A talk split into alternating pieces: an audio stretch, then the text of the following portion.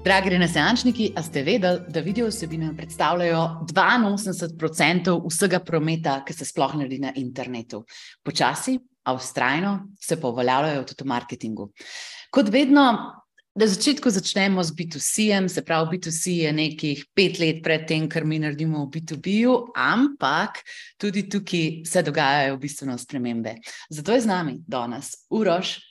Rojski, direktor podjetja Movie Media, kjer se osredotočajo na video vsebine za B2B podjetja, kako ustvariti čim več povpraševanj s pomočjo uporabe video vsebin. Pri ustvarjanju in produkciji video vsebin je pomagal priznanim podjetjem, kot so Kolektor, Liko, Ledlux, Tosla, Aktuado, pa še mnogim drugim, Uh, to znanje on deli tudi prek delavnic, pa preko Solo to Six podcasta, ki ga je letos začel snemati z Maticom Batageljem in Andrejem Pršoljem.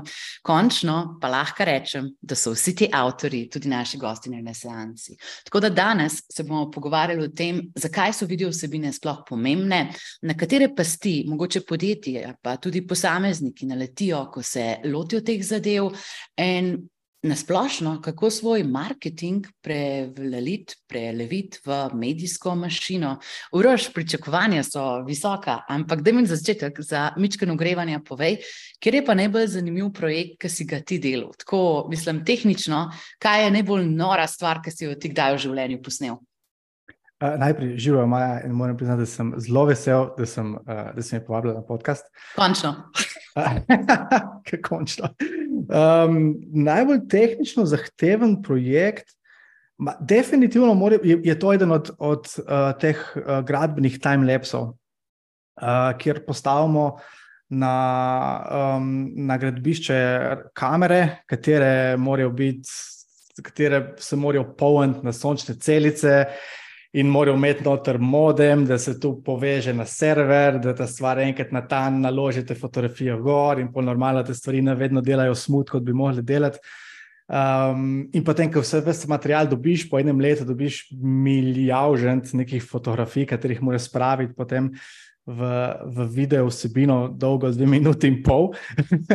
Tako da, uh, ja, to bi rekel, da bo nekako najbolj tak. Eden bolj tehnično zahtevnih projektov je bil eden izmed teh, kot za kolektor ali pa za, za Riko. Če, pa te zgodbe se spomnim, mislim, da si mi pravil, da enkrat si mogel narediti pak z enim hišnikom, da ti je prišel prah dol iz kamere, pobrisati, ja, zato da so ja. bili posnetki še vedno dobri. Ne, sem to. Ja, prazne, tako na gradbiščih moraš kar sklepati te pakte, v bistvu, ali prenesti, uh, podkupiti uh, delovce s uh, platojem pive, zaradi tega, da ti ne staknejo napajanja kamere ne, in da se skupaj ne crkne. Oziroma, pač jaz se dogovori z nekom, če ti lahko enkrat na mesec lih malček pobriše lečo, in tako se nabere prah, še posebej poleti in tako naprej, da ne, da ne jaz hodim potem. Porabim cel dan zaradi tega, da grem nekam, pa pobrišem lečo in tako naprej. Ne. Tako da ja. Ja, ko praviš te zgodbe, je pa meni tisto, le če greste vso to dolžino, vse te komplikacije, zato da se posname video. Mislim, zakaj se zdaj jaz pač jaz ne dvignem svojega telefona, pa naredim ti story, ki vem, da bi ga mogla, pa pač v kar še vedno odlašam. Tako, mislim, ta motivacija pa ta strah pred snemanjem. Da nam povej to mogoče na primeru svoje kariere. Ker ti si tudi svojo kariero začel kot fotograf, pa si pa kasneje ugotovil, da video je super duper in da pač to hočeš v nadaljevanju življenja delati. Tako da, kako je potekala ta čisto tvoja osebna transformacija? Ja, eh, če, če mi dovoliš, lahko začnem še na začetku. Še bolj v redu je. Bil fotograf. Kje smo pa začeli? Daj, to mi pa sem. Uh, uh, jaz sem v bistvu študiral računalništvo in informatiko, zaradi tega, ker sem natiral igrice. Uh, in moj fotor je vedno govoril, da ja, pišeš ja, računalništvo in informatiko, ker boš ti star, bojo rabili full programerjev in ti pa imel dejansko prav, ker danes lahko res, res full uh mhm. -huh. programerjev. Ne? Ampak jaz sem vmes v tem, v tem procesu študija, faksa in še prej srednje šole računalniške, dejansko to, da ni toliko za me, me ne zanima, imel sem full problemov se učiti, noč mi je ostalo v glavi, pustimo to, da sem bil v Ljubljani, zdaj sem žural, pač kot vsak normalen študent. Um, ampak ja, potem sem, sem se znašel v neki situaciji, uh, bil sem v bistvu absolvent. Uh, uspelo mi je iti v tujino na izmenjavo, še z računalniškim faksom. Kam si prišel? Uh, v Brno, Češka. Češka, to je bilo, da je bilo ti pivo zakon. Ja, ja, ja, to je bilo. No, ampak tam sem jaz nekako, me, sem, sem, mislim, sem imel tak reality check, ne, ok, fuck, stari, kaj zdaj je. Ne, zdaj, pač računalništvo te ne zanima več, to, kar si vložil toliko let, pač se ne vidiš, kaj zdaj. Ne, pa sem rekel, ok, moram dobiti nekaj drugega. Ne, in, in takrat sem bil jih samski v bistvu, ne, sem tudi malček tako iskal punca, če lahko temu tako rečem. Ne, zdaj ni več. Ne, ne, zdaj nisem več. in sem gotovo, da vem, po katerem ključu, ne? ampak ja, da pač punce imajo rade umetnike, ne? da imajo rade pač kreativne fante in tako naprej. In tako nazaj. In potem sem malo premislil sam pri sebi, ok, risati ne znam, ne? grafik nisem, kaj pa lahko, kako lahko se izrazim, ne? kako lahko sem kreativen. O ja, znam fotkati.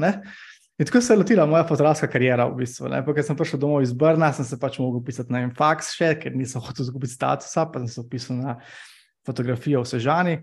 In tam se je lotilo, tam se je začelo, uh, sem dejansko padel noter, mi je furi všeč uh, fotkanje kot tako. In potem sem spet imel priliko iti v tujino, še na eno izmenjavo, tokrat na, uh, prej sem bil na študijski izmenjavi, zdaj sem pa na praksi v bistvu v tujini. Tokrat sem šel pa v Varšavo, Poljska, uh, kjer sem delal z enim zelo, zelo priznanim fotografom, delili smo reklame za Kinder Bueno, za Heineken in take stvari. Sem res v njih high, high level v bistvu. Uh, uh, reklame. Um, no, in tam sem bil tako, s tem fotografom, se lahko fajn delati, ampak je imel v štirih mesecih na tanko tri jobe, ne, ker vsak job je pokasiral 25k in pomenilo treba delati. Ne. In Uroš mu je sestavljal pohištvo v studiu, prebelovce v studio in, in tako naprej. Ne. In po enem momentu sem tako malček, sem si mislil, da jaz sem tle štiri mesece, sem dva meseca zlahan tle kejno pohištvo. Ne grem jaz ven si poiskati en drugi job, do besede sem tu rekel. In sem šel, v bistvu sem potrkal na vrata ene BMX trgovine. Nekaj ta za ko obsession v Sloveniji, sam da to je full več je bilo. Mislim, tam je bilo v enem momentu zaposlenih 30 ljudi, prodajali so po celi Evropi. Na dan je šlo ven, tako med 150. BMX pa... za vse, ki ste rojeni po letu 2000, so kolesa. Tako je, za taka mala, smešna kolesa v bistvu. Um, no, jaz sem se tudi ukvarjal s športom, tako da sem do, dobro poznal, pa sem tako malo fotografiral ekstremno šport, najbolj v tem času. Ne, če sem jim pač rekel, da vi rabite definitivno fotografa in fotke, jaz rajem portfolio, da imamo se povezati. Ne. In smo se full dobro ujeli in so mi dejansko čez par mesecev ponudili job. In sem, uh, sem tam potem se preselil permanentno pač v Varšavo, pa sem delal za njih in tako naprej. In tam sem se prvič srečal z videom.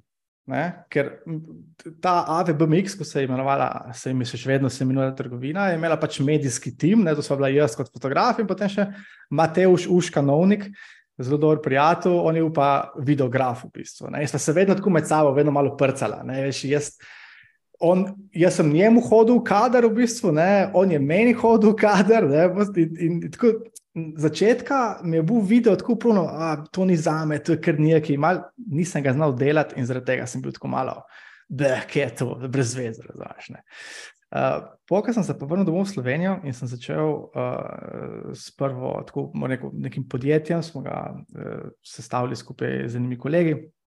Uh, kot neka kreativna agencija, v bistvu, one-stop shop for, for companies, ker lahko dobijo vse od grafičnega oblikovanja do spletnih strani in tako naprej.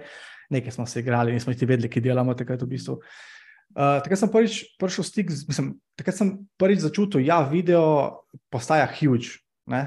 zaradi YouTube, zaradi um, Instagrama in tako naprej.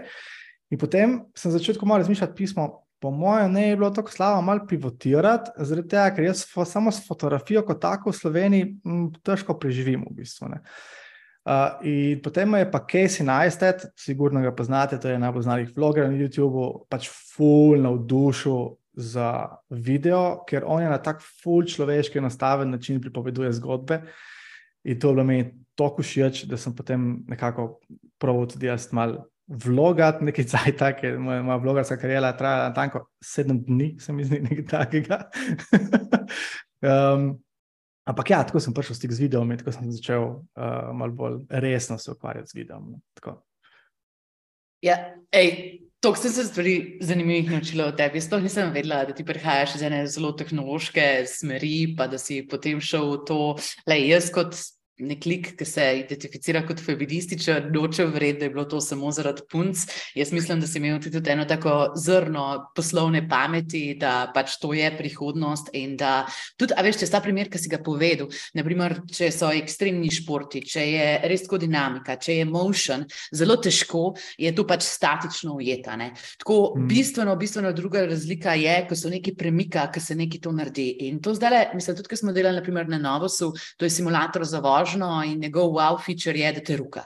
Če ne mm. moreš zajeti tega momenta, ki te ruka, ki se vse zadeve premikajo, če ni te dinamike, mislim, težko slabša pozornost je, če jo statično ujameš. Tako da, ja. lej, mogoče ti klede ponujam eno rešilno bilko za vse punce, ki te danes poslušajo.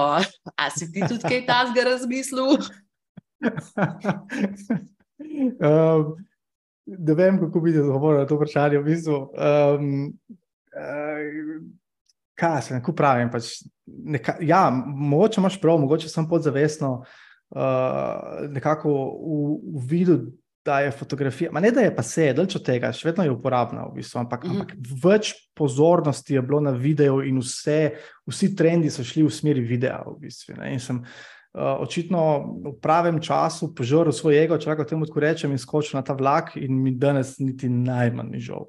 Ker je pač, ko si rekla, ne, pač, oziroma tako bom drugače povedal, če tu, tu vedno Andrej prišolja govori. Ne? Če ena fotografija pove 1010, pa posnami video, ki boš povedal z njimi milijon, whatever, nekaj v tem wow. smislu. Ne? To, to je pa noro. In minilo mm. je približno 10 minut, kar smo omenili, druge bojse. ja, to, to je dober podcast, to, to bo poslušljivo. Uh, ne, mislim, seveda imamo radi Andreja Pršoljo, imamo zelo dober odnos z njim, ampak ena stvar, ki me je pa bolj v bistvu presenetila pri tebi, je pa čist specializacija. Pogovor se je mm. začela z dejstvom, da si imel te kamere na gradbiščih, tudi ker smo prej v vodniku recitirali te. Um, reference, ki jih imaš, te projekte, ki si jih uspešno naredil. Moja prva ideja, ko slišim video, je nek fashion. Je nekaj mislim, stvari, ki se svetijo, neki tazgajo, veš, kaj je vizualno res lepo, pač tako, ki se spolirano. Ti pa bi se najdel eno fulj zanimivo specializacijo v drugih vertikalah. A nam lahko poveš zgodbo o tem, kako si se ti specializiral za B2B, pa zakaj si prepoznal, da je to en takšen svet, ki bi ga ti aktivno rad spremenil? Um, hm. Z, z B2B svetom sem imel stik celo svoje otroštvo, ker moj oče je pač podjetnik, ima podjetje, ki, podjetje, ki je pač B2B, poslovni partnerji. Nekako konstantno sem bil v tem svetu že od malega, z mano me je vlekel potem na razne konference, nekaj časa sem celo delal za njega, ker sem prišel domov iz Polske. Um, in mi je, mi je ta svet bil tako nekako domač. Medtem ko B2C, uh, eh, bom rekel tako, v B2C-ju moraš ful kričati, če lahko temu rečem, in ja. kričimo ja. na tak način, da smo kontroverzni, da kažemo pomankljivo oblečene punce in fante. Pač do tle smo prišli, človeštvo je prišlo do, do sem, da pač. Če hočeš nekomu pritegniti pozornost, moraš dobesedno primiti ga stres, pa samo dati dat pa taf z neko izjavo, ki ga malo zdrami, strijazne v bistvu. Ne.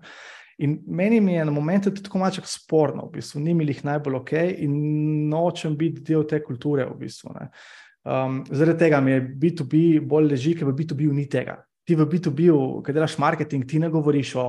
Ti ne pritegneš pozornost na tak način, kot pritegnejo pozornost reklame, jumbo plakati na avtocesti za um, toplotne črpalke ali pa za, za klime, ki pač je neka punca, v bistvu. Ne. Klimačka naprava. ja, ja, to se zdi ful, mislim, ful bedno, ampak ja, funkcionira na nekem nivoju, veš, deluje naš lizard brain in se mi na nek način. Kot se neko prej moče deluje malo manipulativno, v bistvu. Medtem ko v B2B svetu pa tega ni. Uh, so dosti bolj um, dosti bolj prije do izraza v bistvu neko izobraževanje, dosti bolj prije do izraza neko predajanje informacij, informiranje uh, in pač predvsem tudi, da poveš stvari, kot so. Ne? Tu je naš produkt, ima te in te, in te prednosti, in tako in tako funkcionira. In ni treba nekaj, se ni treba zmišljati nekih pretirano, ne vem, kakšnih zgodbic, zaradi tega, da imaš tle edge, v bistvu. Vsaj tako vidim jaz. No. Uh, zaradi tega mi nekako bolj leži B2B. Se pravi, v B2B smo neka boljša verzija samega sebe.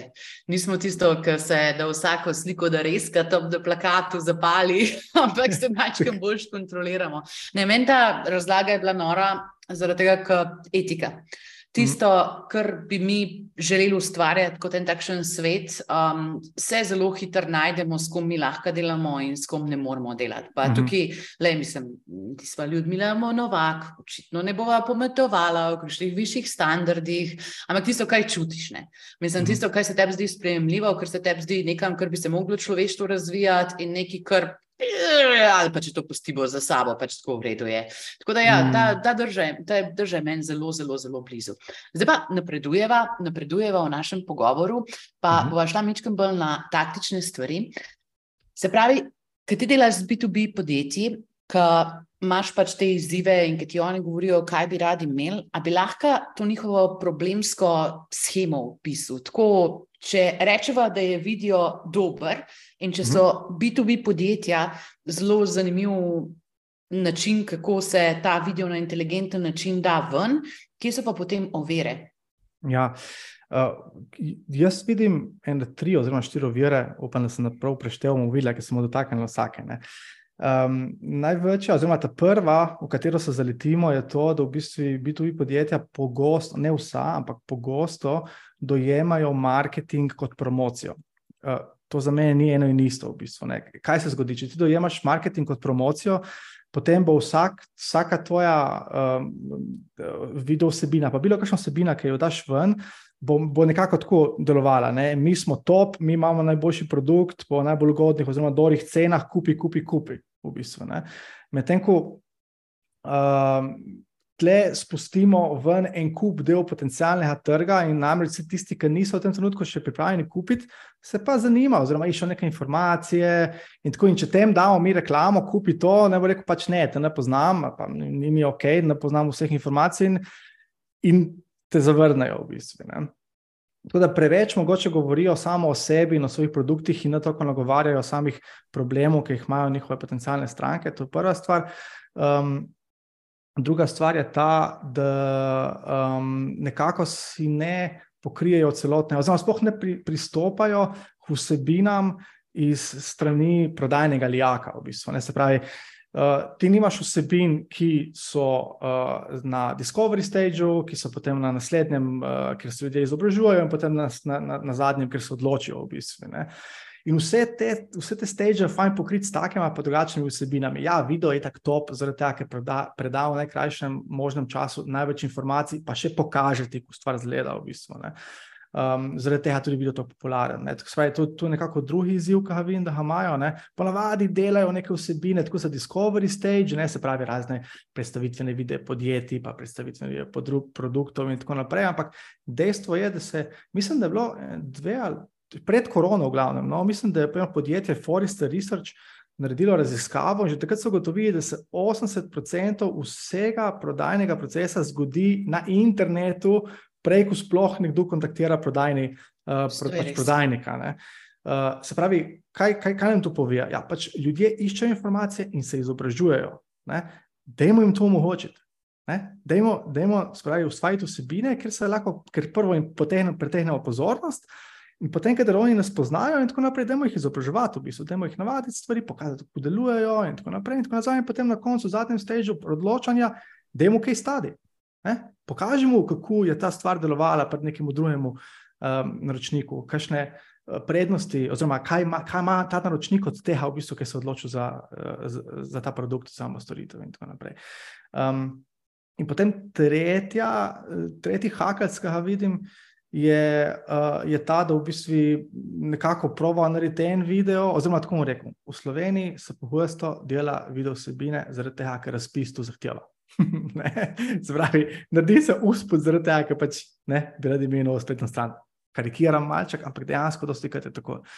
In se ne pristopa k temu kot celovito, kaj okay, demo vso, imamo vso komunikacijo, oziroma večino komunikacije, predstaviti v video obliko, ne? ampak ne, imamo narediti en predstavitveni video podjetja in potem se stvar ne dela, in potem rečemo, da ja, se tako ne dela, in tako nima nobenega, nobenega rezultata. Ja.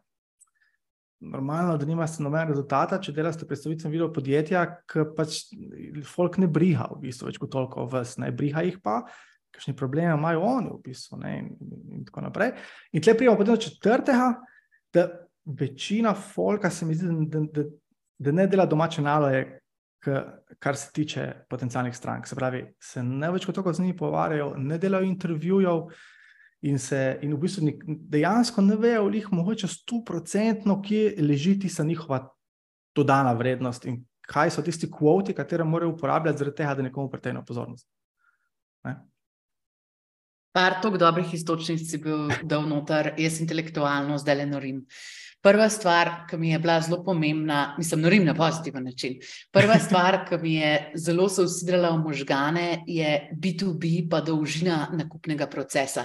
Ka, če mi, ne vem, vse zaposlene zberemo, da nam mahajo iz stopnic in da pač firmo posnamemo z dronom, to ne pove nič o strankah. Absolutno ne. nič. Pač nič. Tako stranko zanima, zakaj je našo jeklo boljšo od kitajskega jekla. Stranko zanima, kako se naš standard proizvodnje ne razlikuje od nekoga, ki dela to, mislim. Poljsko bom zdaj ukradla kot primer.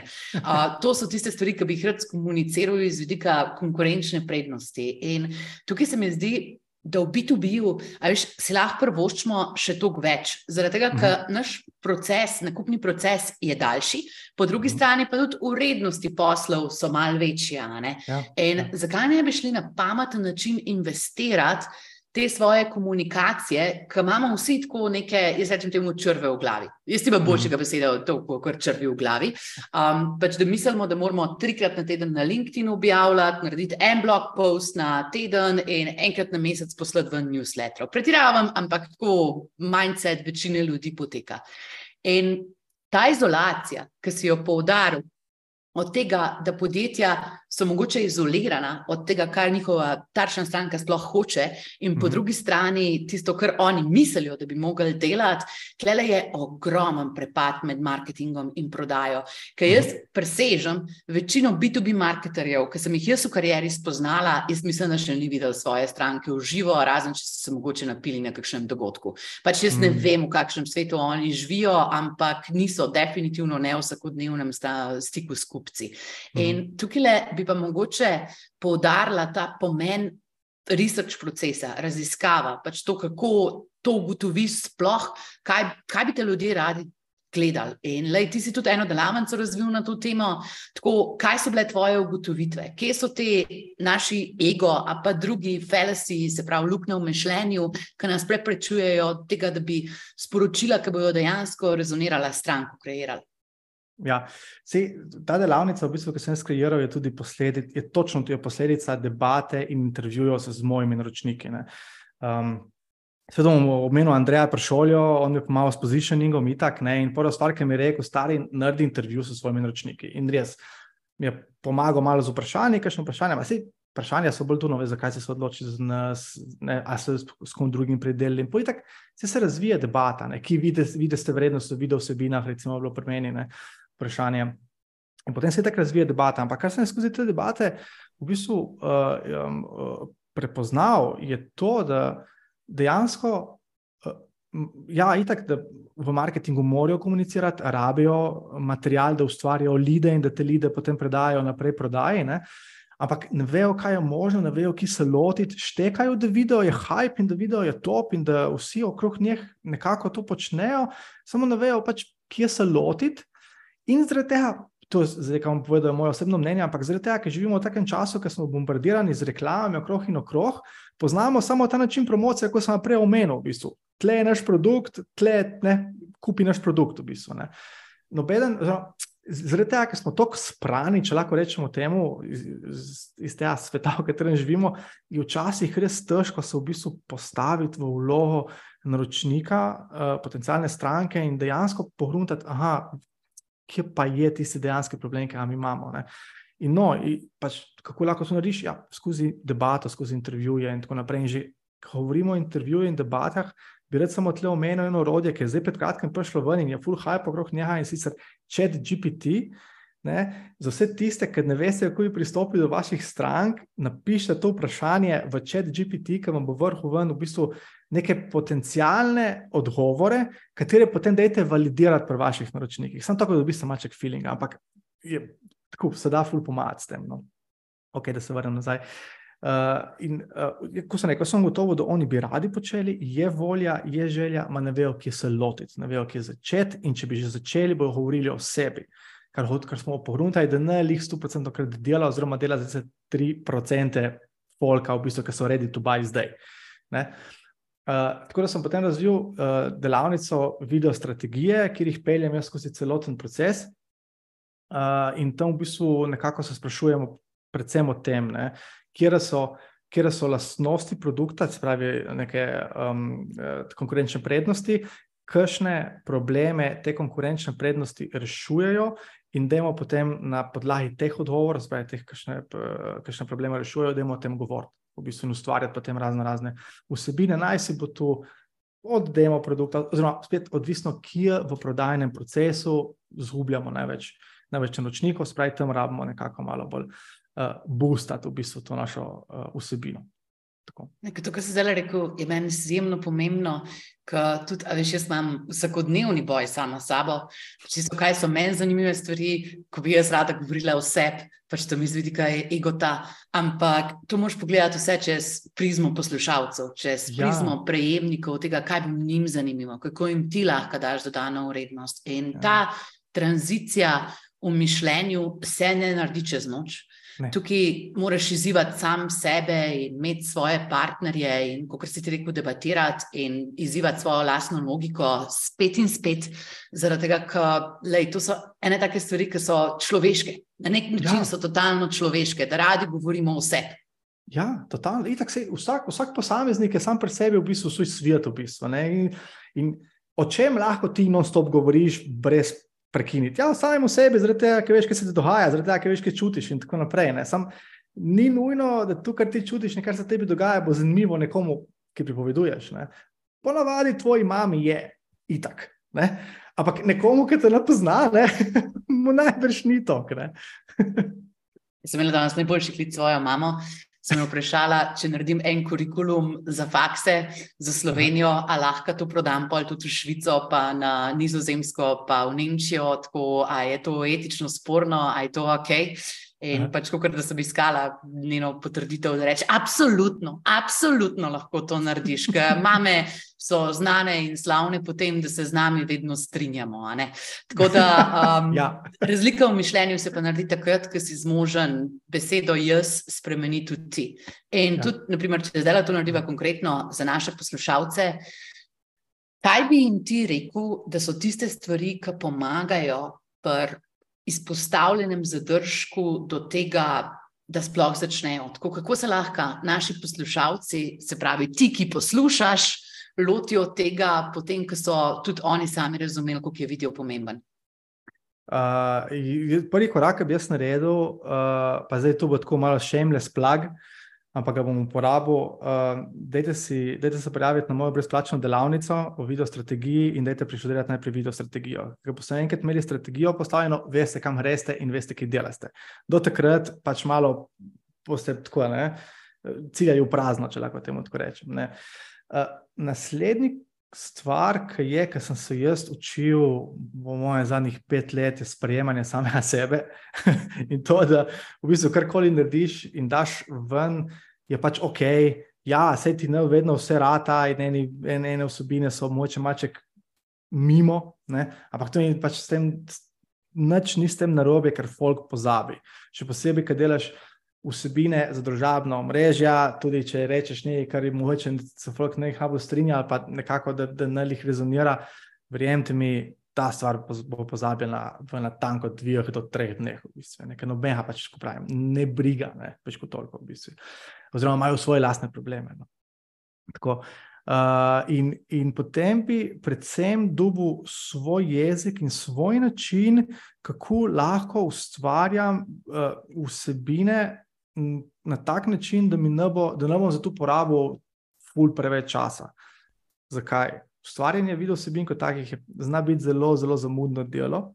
Uh, in lahko bi samo tu počeli, potem na koncu, ampak ni, pač vedno je treba pač opravljati druge stvari v, v službi in v poslu, in tako naprej, in tako nazaj. Zaradi tega vam, um, po, tako, kar polagam na dušo, oziroma na srce, ne, da malo preštudirate content repurposing, oziroma na kakšne vse možne načine lahko ti en del konta uporabiš na raznih, na drugačnih. Um, Uh, medijih, drugačnih kanalih, na drugačne načine, in tako naprej. In tako Tukaj sem ti v zraku signalizirala pauzo. To, kar si rekel, je pa nekaj pomembnega. To, kar se mora res zapičati, to, zato ker to je pa zdaj taktika najnega pogovora. Je. To zdaj smo se strinjali, da so video vsebine pomembne, še posebej za B2B podjetja. Naslovili smo tiste zadržke, ki mogoče povzirajo podjetja, da bi začela pa pa tukaj pride do ene pasti. Uh, rekel si, da mogoče ta format, ki je nam naraven. Se pravi, kaj je bilo, na primer, meni naravno? Od tega pogovora, da se mi dva 45 minut tukaj le zdaj pogovarjava, si mhm. jaz bi to celega objavila na YouTube. Ampak tega verjetno ne bi ne bi gledal. Tako da jaz se moram naučiti tukaj le tudi pač tega logike, kako neka stvar ki se meni zdi dobra, ki se meni zdi zelo relevantna za moje takšne poslušalce, za vas, dragi renesančniki, kako to spraviti v neko obliko, ki bo pilo vodo na družbenih omrežjih, oziroma na kjerem koli kanalu, kjer pozornost tistih ljudi, ki jih mi želimo nasloviti. Je. Tako da, da je pet v globino, siceri, tako pojasni vse, kaj je pomembno pri tem, kar se reče repurposing.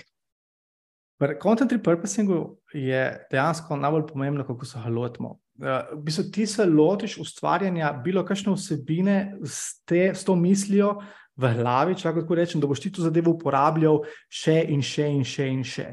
Se pravi, če Recimo, mi dva zdaj snemamo podcast. Ta podcast bo dolg 45 minut. Jaz sem pripričan, oziroma tudi sama si rekla, da sem marsikaj tako pametna, recimo, povedal, čeprav meni se mi zdi, da moče malček blodim. Jo, si imel dober moment ali dva, se absolutno strinjam. vidiš, evo, vidiš, iz teh dobrih momentov ali dveh narediš kratek video, ne, 10, 15, 20 sekund, kaj v bistvu obesiš potem ali na Instagram ali na LinkedIn, pač bilo kje živijo in se zadržujejo pač tvoj, tvoje potencijalne stranke oziroma tvoje občinstvo.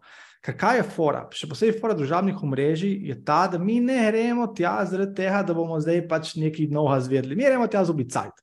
Mi stojimo v vrsti, čakamo v trgovini, nimamo kaj delati, zelo telefon ven in, in scrollamo, pač dobesedno pobegnemo od realnosti. V bistvu, In če tam ti človeku daš petminutni video, a bo preskočil, ker nima cajt, ki ga ne zanima. Če mu pa daš nek snippet, par sekundic, ne? 20 sekund, 10, 15, whatever.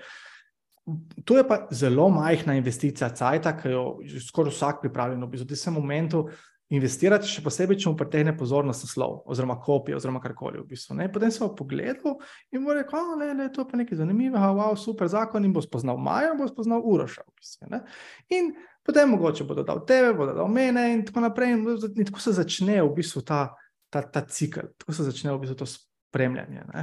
Uh, tako da, ja, content repurposing, pa so tu bil samo en primer podcasta. Ne? Drugi primer je, recimo, vem, ti imaš uh, how-to video vsebine, kako se nekaj naredi, to je lahko blog post, tudi konec koncev. Um, uh, kaj sem, pogovor z, z, z nekim intervjujem, z strokovnjakom, ne intervju s strokovnjakom, spet zelo podobna stvar kot podcast, samo da je krajša, krajša oblika. Spet, ne, lahko delaš šorce ven, lahko narediš spet, daš, tu, tu je lahko konc konc koncu, še posebej, če je nekaj, bom tako rekel, imam, vem, um, ko bi temu rekel, če je tu neka znanstvena tema, je lahko konc koncu tudi članek za, za neko revijo. Ne? Um, in tako naprej. In tako naprej. Fora je samo, da mi ne ustvarjamo en kontent, oziroma en piece of content, ki bo uporabljen samo enkrat, ampak na kakšen način ga mi lahko pač uporabimo na več kanalih, na več načinov in ga dobesedno izžamemo v bistvu vse vsebine, ki ga imamo. To je meni lepota tega, kar se danes pogovarjava.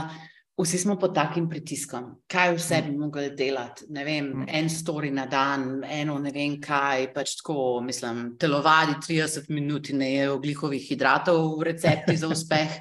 Um, po drugi strani, sami sebe tudi poznamo, a veš, da kot odjemalci družbenih omrežij, pa smo precej neumni. Jaz temu rečem fortune cookie wisdom, oziroma nekaj tazga, kar lahko prebaviš v nekaj deset sekundah, kot je rekel prej Uroš. Tako da, um, ja, edina stvar, ki mi manjka, je brič. Kako pa to lahko dosežemo? Tako, do zdaj smo se res naučili, da vidijo je tako bogatejši iz vidika informacij, ki jih dajemo, da to sploh ni primerjave. Tako da na nek mhm. način, če pojavljamo samo tekste, se evropamo nečesa. Pač algoritmično je druga zgodba, mogoče ne bo tako, ampak ful mi dobro rekla ena moja prijateljica, mentoriranka iz Švice, da njo boli, če ima video na LinkedIn-u desetkrat manjši doseg, ona hoče, da je njena energija v spredju. Ona hoče, da na način, kako ona govori, kako ona prezentira stvari, da ljudje dobijo občutek tega, da to je indikator, če jo bojo oni kupili, a pa je ne bojo kupili. Tako da mhm. to je pomembno, ne iz vidika dosega, ampak iz vidika forme informacij, mhm. ki jo ona želi uh, skomunicirati. Tako da, da se ne bom preveč zaplezala v svoje filozofske debate, spet urož vprašanje je, kako. Vemo, da je video pomemben, vemo, da se ga je treba strateško lotiti, vprašanje je samo kako. Ja, to je tako milijon dolar question, če lahko temu tako rečem. Um, zakaj? Zaradi tega, ker pač. Tle se potem dotaknemo, v bistvu, okay, kaj lahko sploh naredimo mi sami, in kaj je boljše, da outsourcamo. Uh, zaradi tega, ker recimo spet z video vsebine, ki jih damo na, na LinkedIn oziroma neka državna mreža, ki zgorijo relativno hitro, v bistvu lahko moč sami posnamemo s telefonom. Kar mi tle rabimo, je osnovno znanje, uh, um, se pravi, kako se premika telefon, zaradi tega, da imaš pač nek smooth. Premikanje, osnovno poznavanje, kako funkcionira svetloba, zaradi tega, da se pravilno osvetliš, in spet osnovno um, znanje uh, avdija, če, še posebej, če govoriš, da je tvoj mesič uh, eh, slišan uh, na lep način, oziroma ne, da ne hrišči in tako naprej in tako nazaj. V bistvu, um, in potem se lahko nekako lotimo že ustvarjati neke kratke, neke video vsebine in, in, in testirati in videti, kaj je in kaj ni. Medtem ko pa za neke. Vsebine, ki nam bojo, pa tu še posebej pomembno za biti v podjetju. Video vsebina tebi lahko nosi lide naslednjih pet let recimo, če je pravilno naštimana in če, če, če zadane pač ta pravi mesec. Take video vsebine se vam pa splača outsourcati in dobiti nekoga, ki vam potem pomaga, ki je strokovnjak v tem. Zaradi tega, ker uh, je tako, da če, če prodajamo neko izraelsko opremo, ki stane več 100, 10, 100 milijon evrov, ne, kako mislite, da vas bo dojel potencijalen naročnik, nekdo, ki vas ne pozna, kako vas bo dojel, če mu vi to opremo pokažete z nekim posnetkom, ki je narejen na telefonu, ki se trese, ki hrešči, ki je slabo osvetljen in ker se človeka, ki govori na drugi strani, na njih naj, najbolje sliši, in povsem tem je še dolg pet minut. tako da. Um, Tako da, ja, če se pogovarjamo o tem, kje začeti, uh, jaz bi definitivno začel začel z nekimi kratkimi videosebinami, ki jih lahko sam s telefonom posnamem, s tem, da bi šel prej na YouTube in malo po surfu, kako snemati s telefonom in kakšni so zakoni osvetlitve in kakšni so zakoni avdija, in potem to začnem testirati. Ne? Ko bi pa začel delati nek konkreten projekt, ko pravi nek lead magnet oziroma nek predstavitveni video produkta, ki mi bo vlekel in bo delal lead naslednjih pet let, bi pa se definitivno uh, obrnil na neka strokovnjaka, zaradi tega, ker pač mi bo ta vsebina toliko časa relevantna v bistvu za me in mora biti top in tudi to. Ta odgovor je bil izjemno dober, zaradi tega, ker si ga strukturiral po fazah. Od mm. nič do ena, tako da dobiš apetit za te stvari, da se ne bojiš, pa da ne misliš, da te bo to stalo 30 tisoč evrov, da sploh začneš, je mm. definitivno boljši način, da se opolnomočiš. Informirana v polnomočiš, je urož izpostavil tisto, da lahko sploh nekaj narediš. Potem, ko pa validiraš, pa glej, danes sem se pogovarjala z Leo Pisani. Urož, ti veš, kdo je Leo Pisani? Ne, ne vem. Ona je vrhunska svetovalka na področju stila. Tudi ah. predsednici zdaj svetuje, pač tako ima tako klientelo, tako da dol padeš. In ona je točno rekla, tisto, ko mi nekdo kupuje nekaj, kar je drago, ni variante, pač ni popuščanja.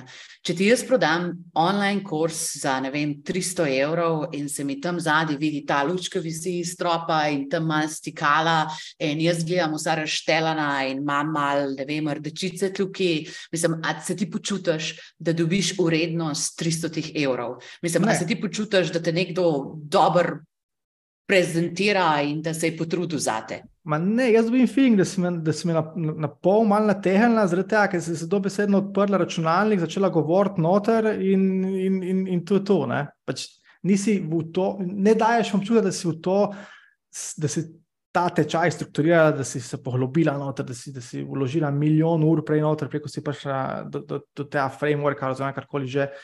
Nekako mi ne vliva te, uh, te, te, te, te rekel, ja, samo zavesti, pač to, da si ti dobro odločil.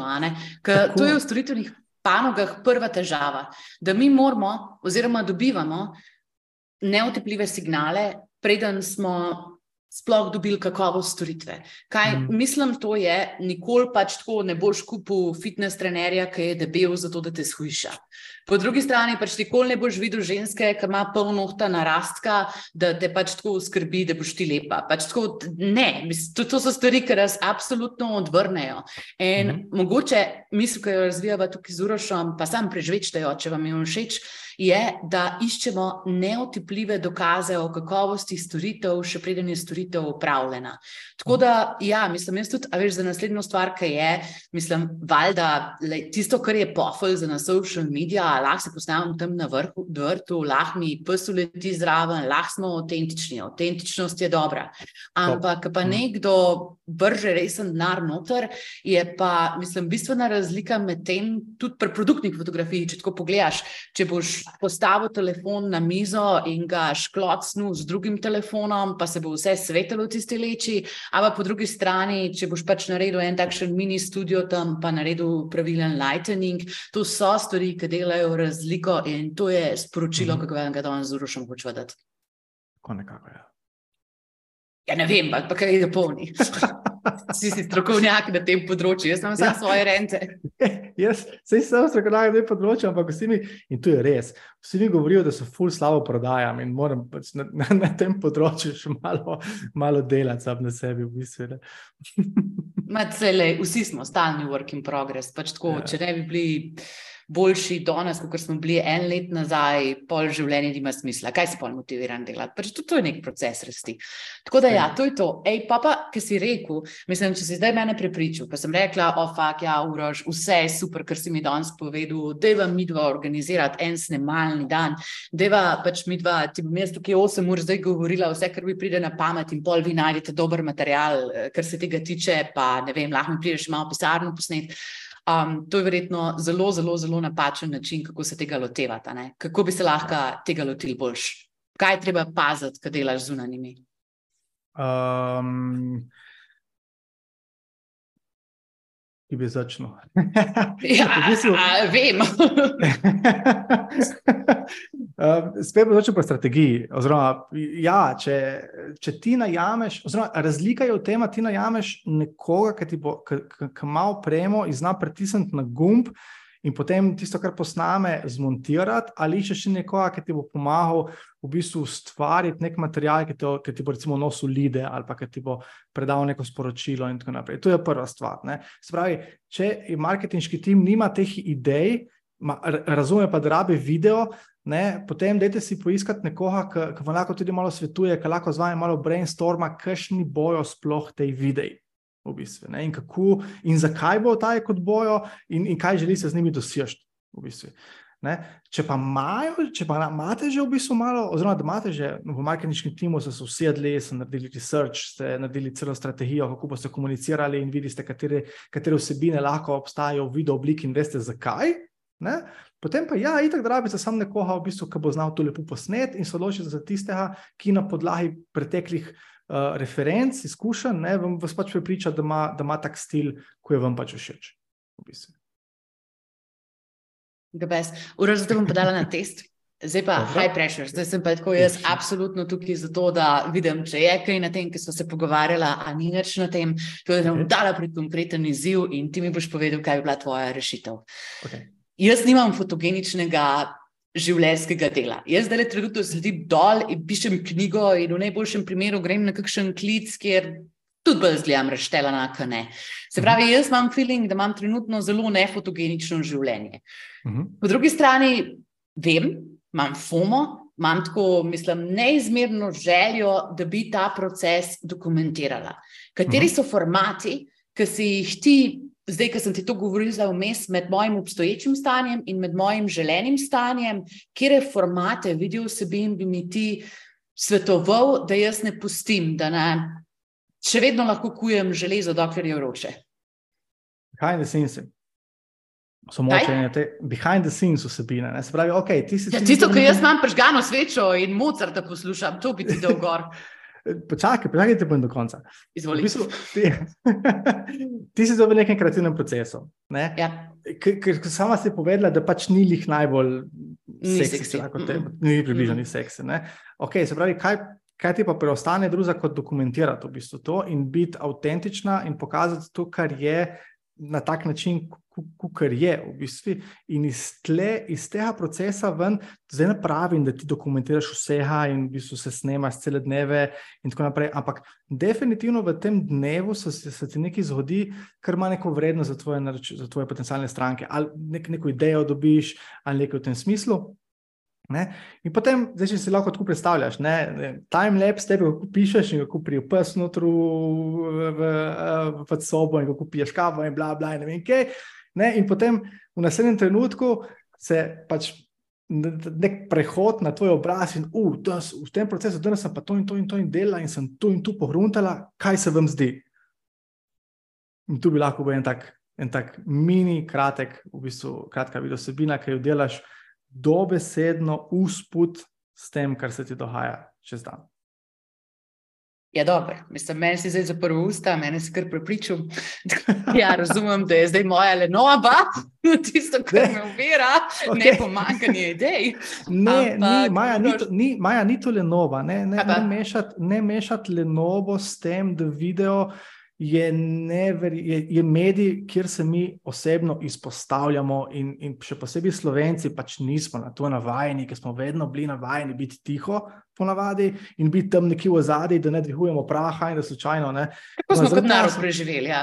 Da smo kot narod živeli, itak, seveda. In, in, in zdaj, zdaj, pa, zdaj pa ta kultura vloganja in tiktokanja in vse tukaj, moraš se pokazati tako, si in ne vem kaj. Okay z marsikomu tu pač ne leži, tudi meni ni ležalo. In sem, ko sem rekel, prej, sem v pet let rabo, da sem prišel ven iz tega, da sem pač sprejel samega sebe in sem rekel, pač ok.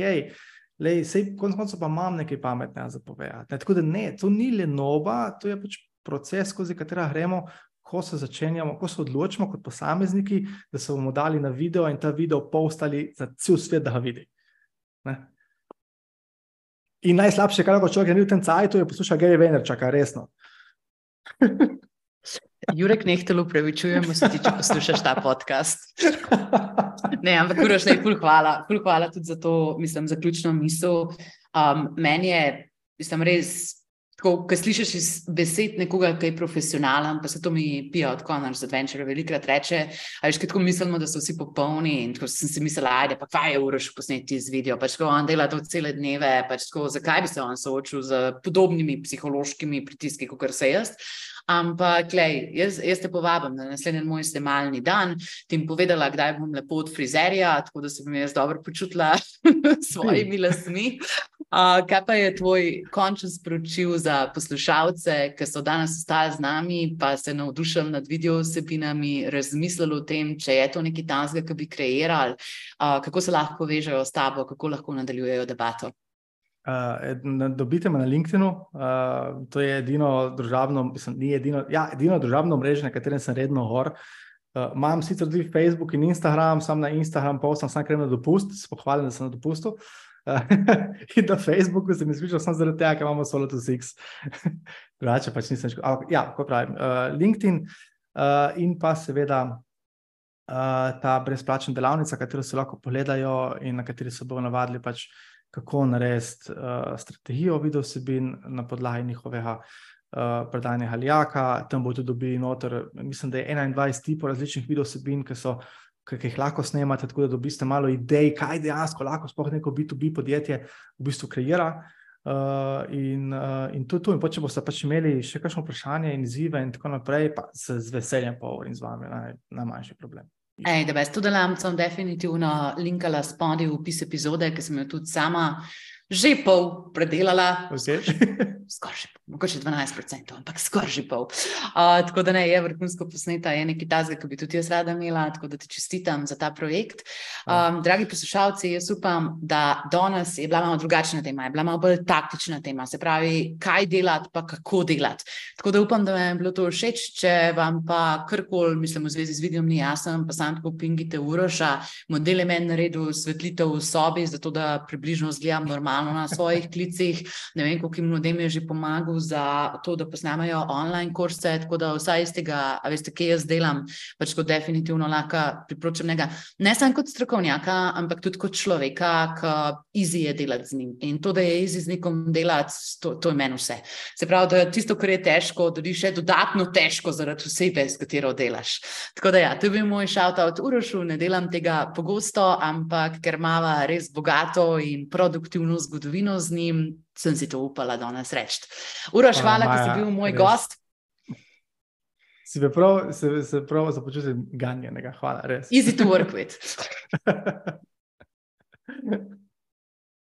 Da, best.